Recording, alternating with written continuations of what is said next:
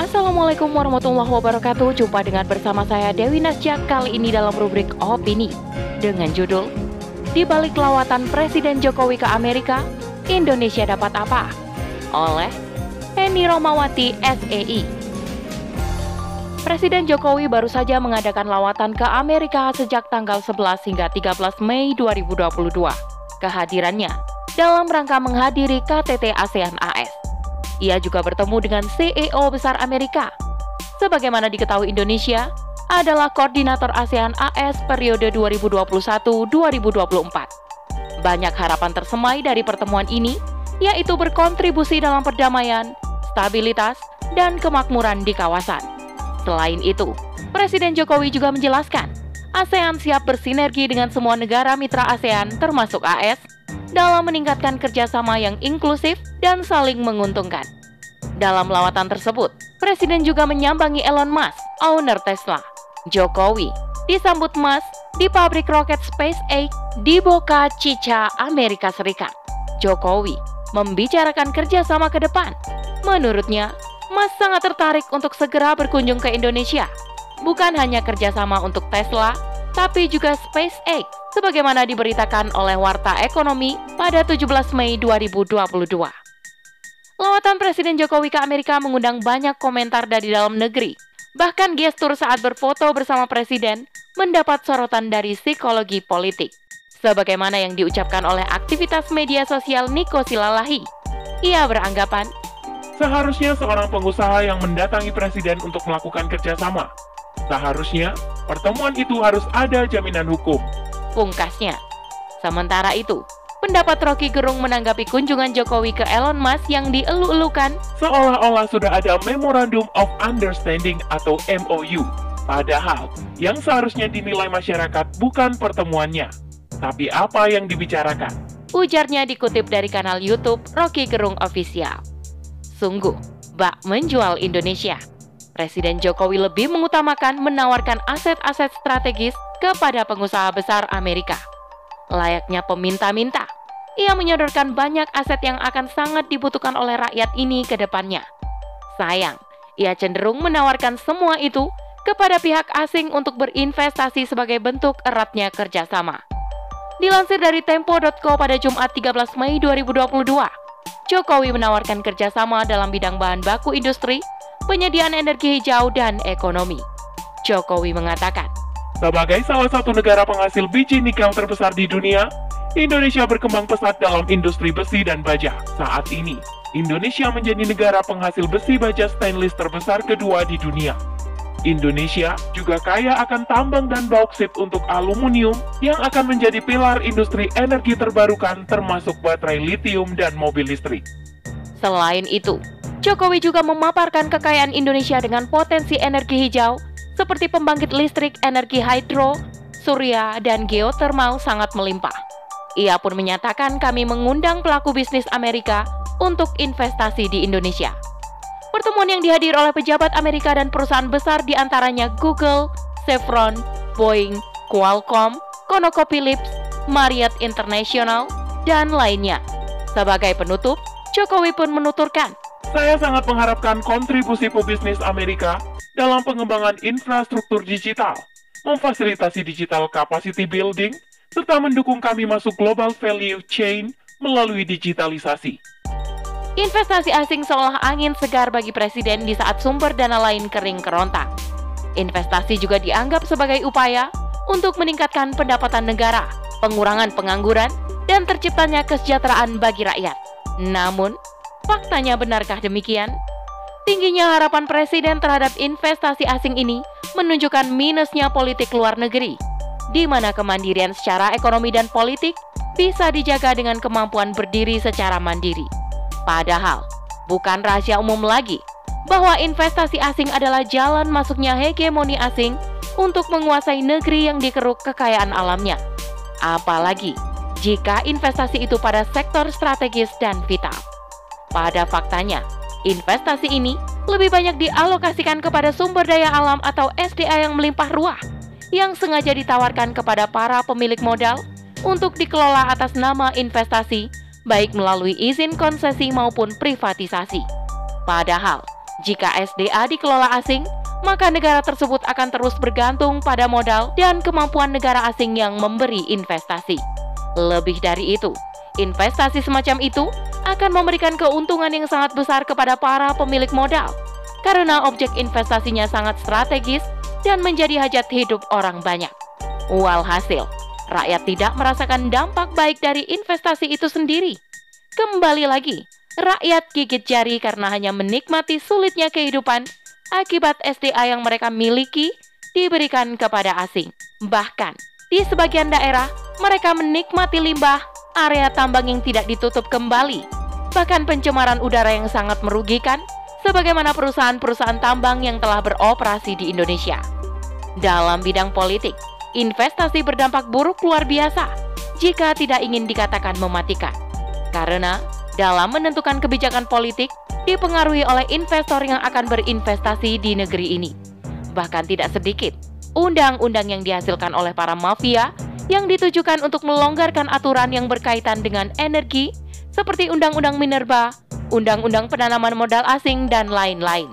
Hal itu menunjukkan bahwa erat kaitannya pembuatan undang-undang didahului persetujuan para pemodal tanpa bertanya kepada rakyat. Di mana letak suara rakyat dalam kedaulatan negeri ini? Rakyat makin tak dianggap sebagai pihak yang paling berhak dalam menentukan hukum. Bukankah slogan demokrasi ini dari rakyat oleh rakyat dan untuk rakyat? Sistem ekonomi Islam memiliki pandangan yang unik dalam masalah investasi.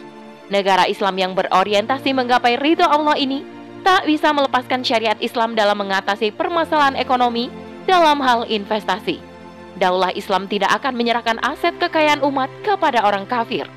Dalam politik luar negeri, syariat Islam telah menetapkan status negara-negara yang boleh diajak bekerja sama atau dilarang untuk bekerja sama. Syariat Islam juga telah mengatur pada bidang apa saja yang boleh diberi investasi atau ditolak sama sekali. Oleh karena itu, meskipun investasi sekilas tampak menguntungkan, Khalifah tidak serta-merta menyetujuinya karena Khalifah akan merujuk pada syariah Islam dalam menentukan sikapnya. Dalam hal ini perlu diperhatikan. Pertama, investor asing dilarang berinvestasi dalam bidang strategis dan vital karena investasi membuka peluang bisnis yang akan merugikan rakyat.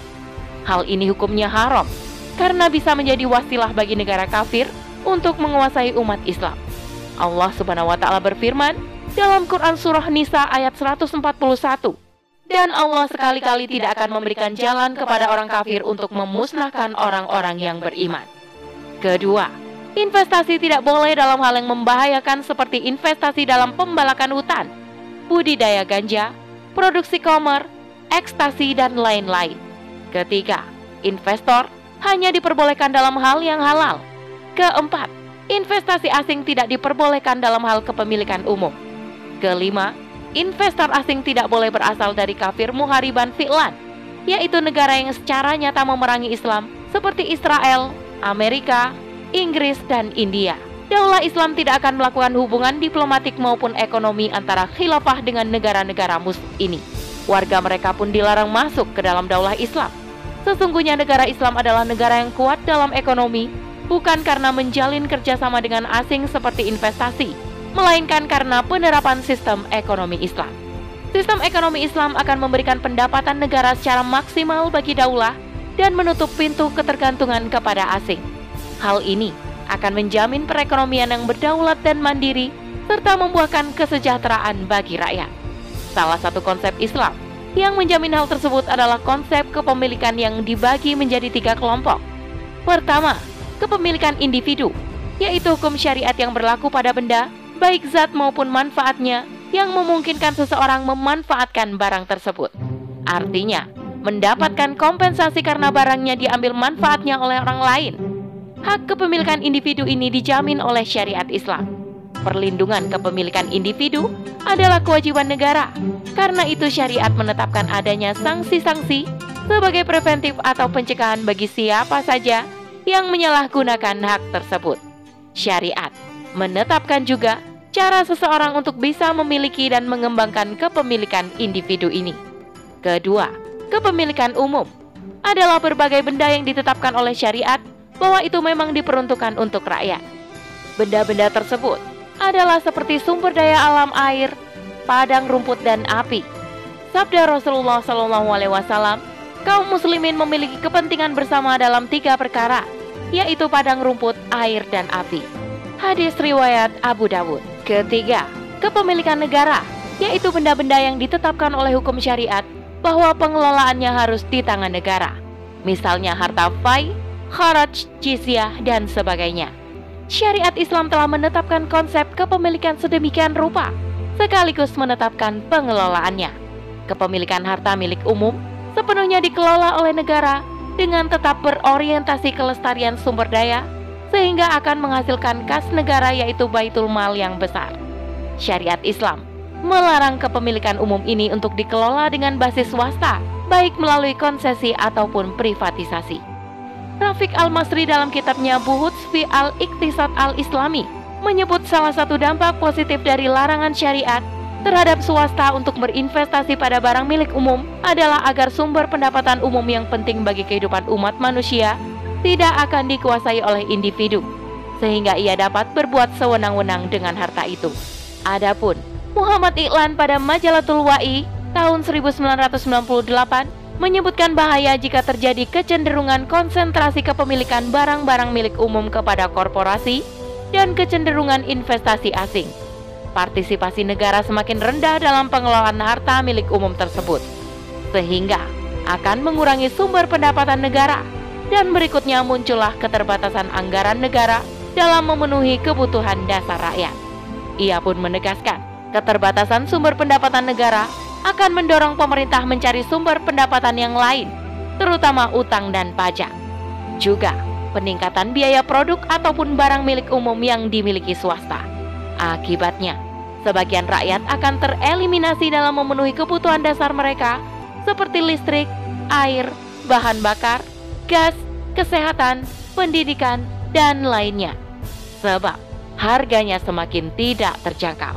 Dampak lainnya adalah mempermudah masuknya pemikiran dan budaya asing kepada masyarakat, seperti yang terjadi pada dominasi sektor komunikasi dan media, dan dampak paling fatal adalah penjajahan ekonomi dan politik atas negeri kaum muslimin. Maka dari itu, investasi untuk mengobrol kekayaan alam Indonesia tidaklah diperlukan, sebab umat hanya membutuhkan penerapan syariat Islam kafah yang akan menjamin terciptanya distribusi kekayaan bagi rakyat seluruhnya. Wallahu a'lam bisawab.